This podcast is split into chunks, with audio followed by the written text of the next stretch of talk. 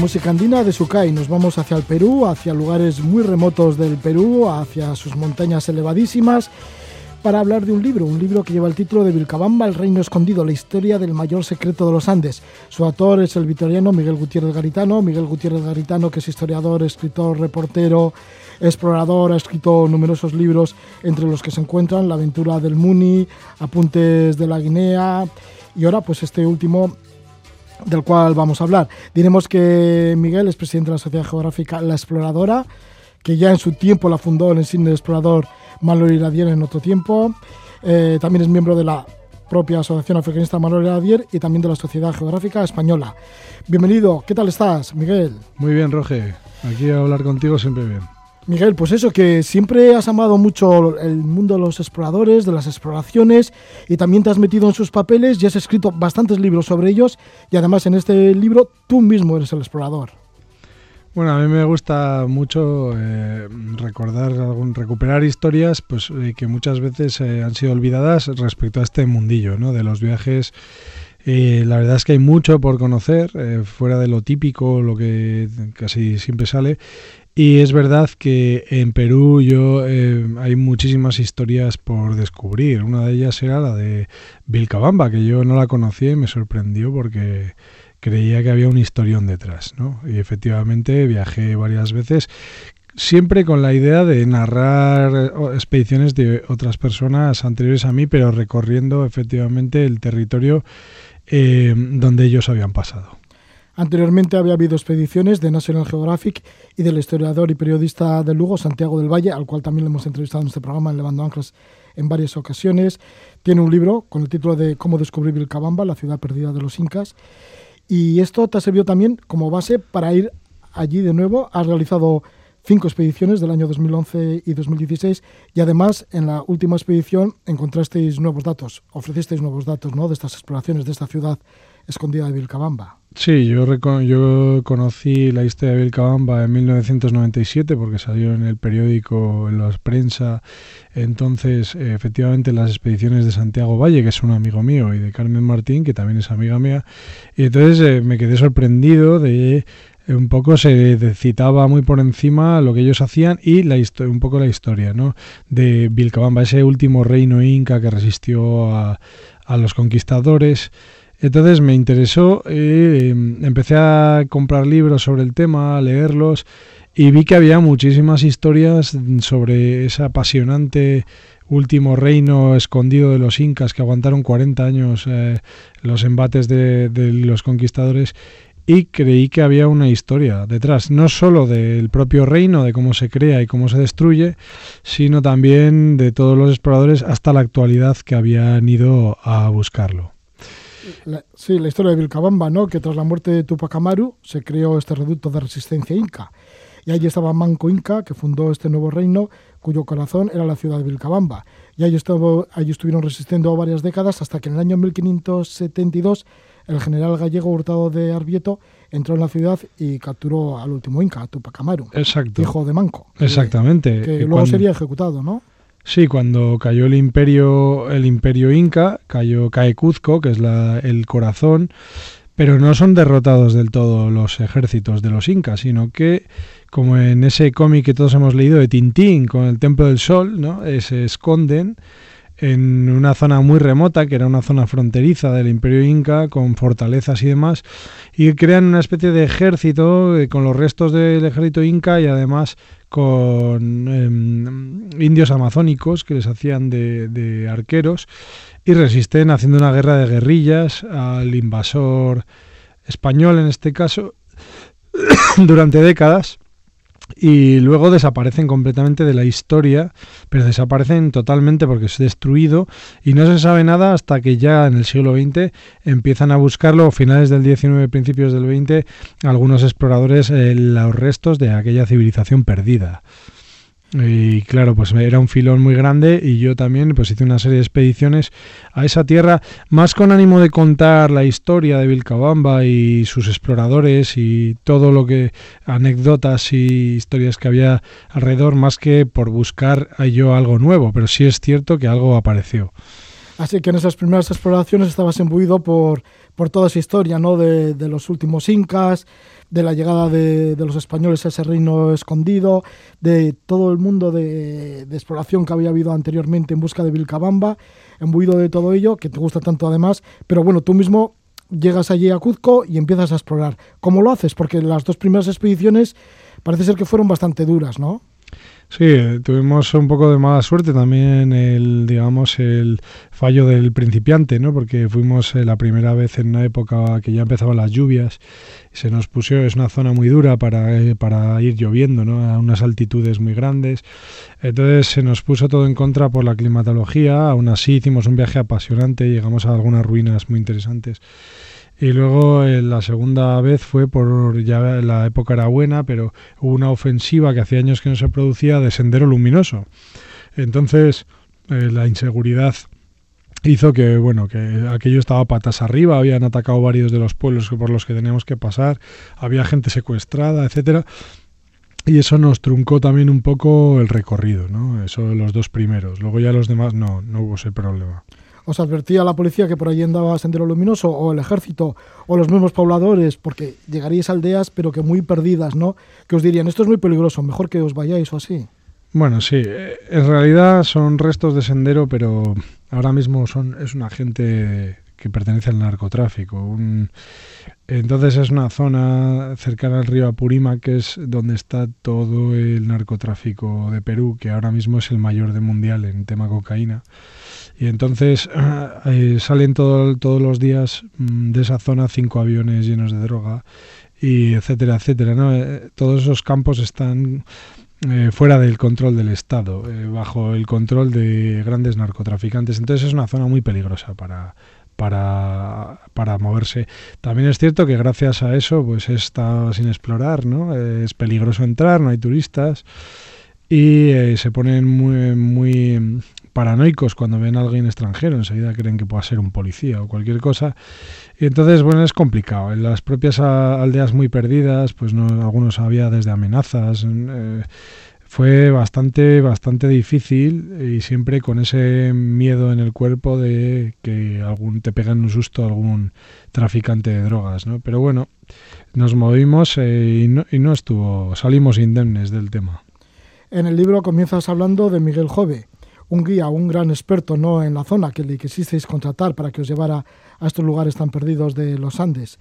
Una historia bonita, pero también dramática, la de Miguel Jove. Sí, la verdad es que eh, fue un hombre con el que hicimos migas, eh, contactamos, todo el mundo nos hablaba bien de él, debía ser una grandísima persona. Nosotros, desde luego, lo poco tiempo que estuvimos con él, nos pareció un hombre extraordinario, excelente y se entusiasmó con la expedición porque dijo que esa zona nunca la había explorado y que si iba con nosotros tal vez le iban a dejar pasar esos narcotraficantes que muchas veces a los guías eh, peruanos no les dejan no les dejan pasar de las áreas turísticas. Y eh, habíamos quedado con él, pero en la expedición justo que tenía anterior, que también era en Vilcabamba, pues hubo una avalancha de piedras y con tal mala fortuna que le cayeron encima y lo mataron. ¿no? Eh, es una zona, como he dicho, bastante peligrosa también en lo climatológico, hay muchos derrumbes y él tuvo una muy mala fortuna. Eh, se dio el caso que en la expedición de 2012 nos encontramos su tumba, un poco de, casualidad. Volvíamos y nos encontramos la, la, tumba donde, por donde él había muerto, habían puesto una cruz y fue muy triste, fue un momento bastante triste, la verdad.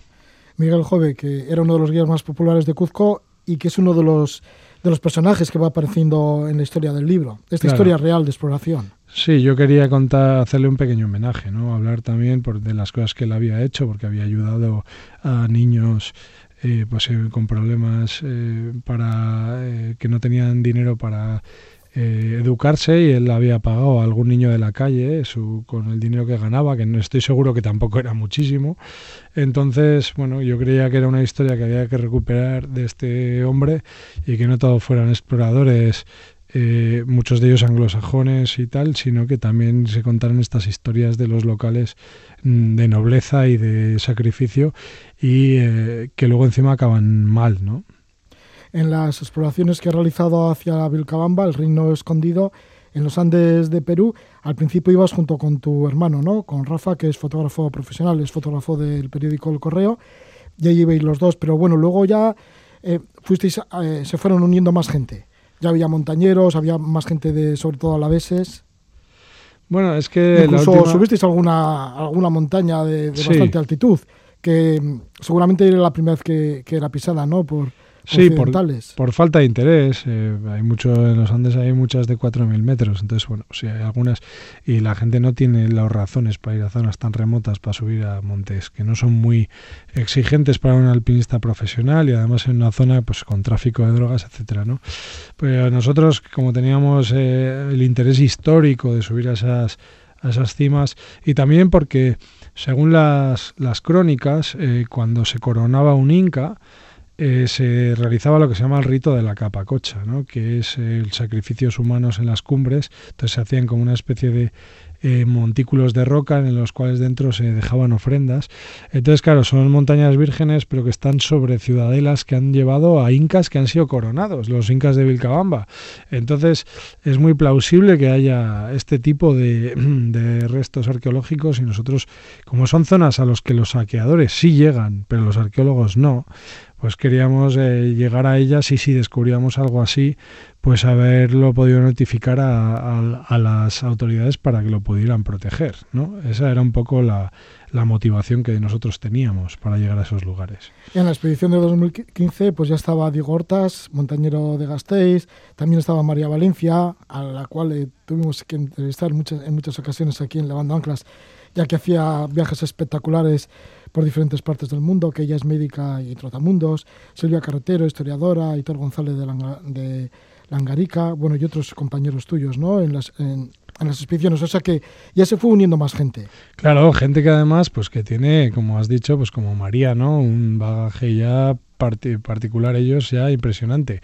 Por ejemplo, eh, Silvia Carretero, que la acabas de citar, va a ir a excavar a Luxor con, con eh, la Asociación de Estudios del Antiguo Egipto. O sea, la verdad es que sí, cada persona que venía pues eh, dio gusto, pero sobre todo en lo personal. ¿eh? La gente no tuvimos ningún problema entre nosotros, fue un gusto ir con todos y yo aunque soy más de viajar yo solo porque tengo esa me, me suele gustar ir, a mi a mi aire tengo que decir que no me arrepentí en ningún momento porque nos lo fue incluso un placer ¿no? ir con este equipo y, también pudimos llegar a zonas más lejanas precisamente por tener a gente pues profesional del montañismo, de la medicina, etcétera.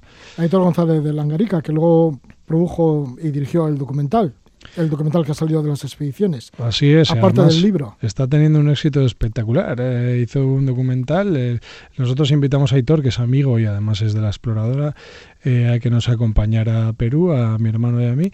Y vino en unas condiciones dificilísimas. No Era un trabajador incansable que no paraba de grabar. También asistido por Rafa, por, por mi hermano.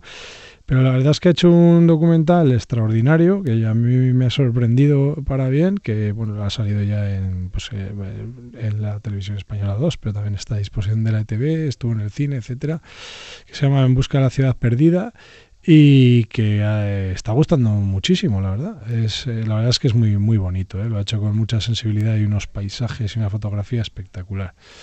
Teníais propuesto eso, crear un libro que ya ha salido y además presentar también una, una, película, ¿no? Un documental y también, o sea que los objetivos ya están cumplidos. Además de todo esto, aparte de lo que es la propia expedición y moveros por, por el lugar y ascender a alguna de estas montañas, además de esto también hay descubrimientos.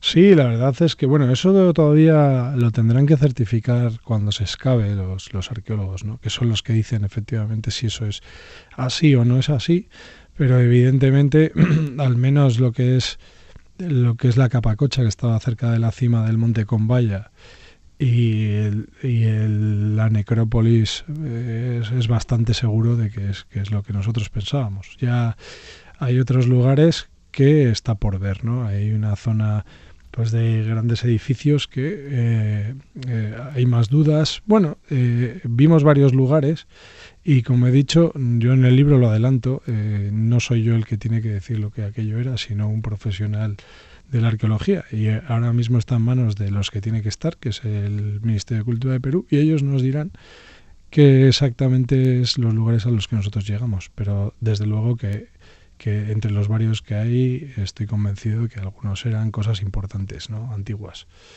¿Cómo llegabais a estos lugares? Porque había que montar una infraestructura, ¿no? Teníais que ir a lomos de, de, mulas, también caballos de montaña, etcétera. Claro, como son lugares muy remotos, son hay unas distancias espectaculares, a veces de 100 kilómetros por los Andes.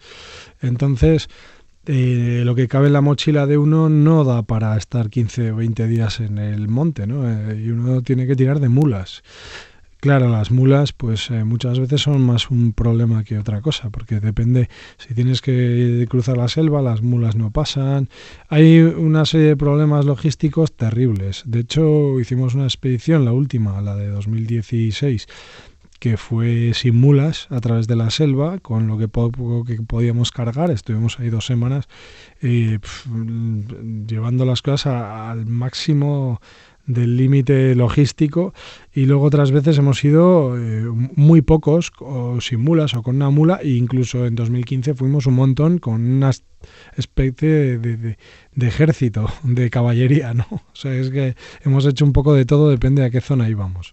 ¿Cómo dices con los arrieros para luego meteros en, en la exploración para meteros en los Andes? Bueno, eh, los primeros que llevábamos era la familia Quispecusi, que es muy famosa también en ese lugar. Son grandísimos arrieros y muy buena gente, que me los presentó Santiago Valle, el explorador de, esa zona de Vilcabamba, el gallego, que es eh, amigo tuyo y mío, como sabes.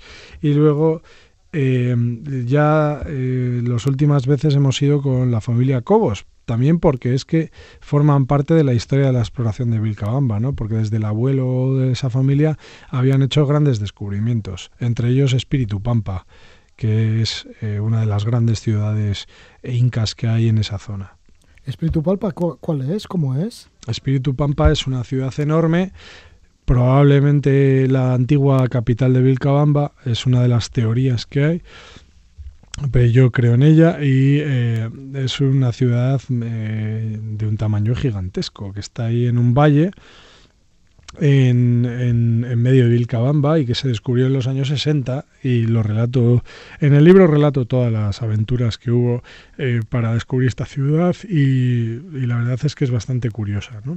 Sí, en el libro es que también haces historia de otras exploraciones por el lugar Hombre, sobre todo es eso, porque mm, yo creo que la película y el libro son complementarios. Eh, la película habla más, aunque también habla de la historia del Cabamba, habla más de pues de nuestra filosofía, nuestras expediciones y de la propia belleza de la tierra de Vilcabamba. Y el libro es una crónica de mm, tanto de la creación de Vilcabamba, su destrucción, su olvido en el tiempo y todos los chascarrillos en torno a los que la buscaron y, y se batieron el cobre por aquellos territorios, ¿no? Y que tiene grandes anécdotas, la verdad. En el libro también comentas, pues bueno, unos antecedentes, ¿no? Por ejemplo, el de Irán Bingham, ¿no? Que iba buscando esta ciudad de Vilcabamba y lo que encontró fue Machu Picchu. O también hablas de Eugenio de Saboya, que estuvo por allá por el año 1957. Exactamente. Mira, Irán Bingham es curioso porque primero descubrió Machu Picchu, ya le dijeron dónde estaba, pero bueno, la descubrió científicamente por el mundo y luego se fue a, y descubrió Espíritu Pampa, la que hemos hablado, ¿no? Entonces, Espíritu Pampa realmente a él le por lugar geográfico le pegaba mucho más que fuera la capital de Antigua Vilcabamba, pero como le gustaba mucho más estéticamente Machu Picchu, pues dijo, bueno, pues eh, Machu Picchu es Vilcabamba, ¿no? Eh, o sea, el descubrimiento de la maravilla del mundo, Machu Picchu, está muy relacionado con la búsqueda de Vilcabamba, efectivamente, porque buscaban Vilcabamba cuando la encontraron.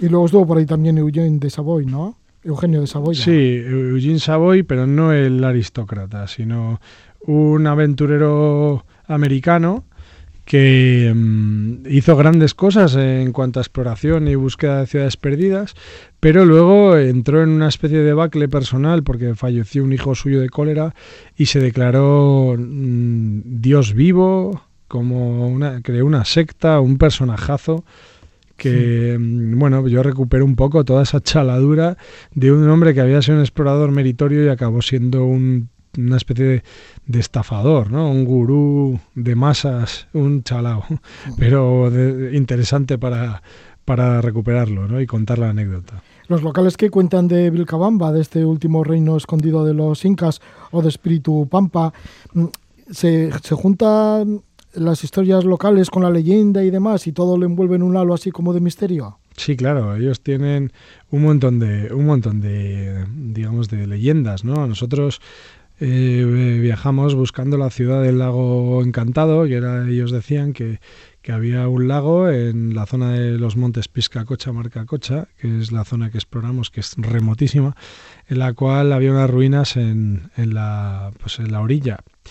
Y eh, había muchas leyendas sobre eso, ¿no? Y bueno, pues eh, eso es lo que nosotros también eh, queríamos verificar. Muchas veces las leyendas están basadas en, hechos reales. A mí, sin importarme demasiado si realmente era real o, o imaginaria la, leyenda, pues eh, me encantaba para contarlo en un libro, ¿no? Me gusta recoger las leyendas, aunque luego resulten falsas o verdaderas. Y es que en el libro Vilcabamba, el reino escondido, se envuelve también en un halo de romanticismo, de ese romanticismo de esos exploradores de otros tiempos.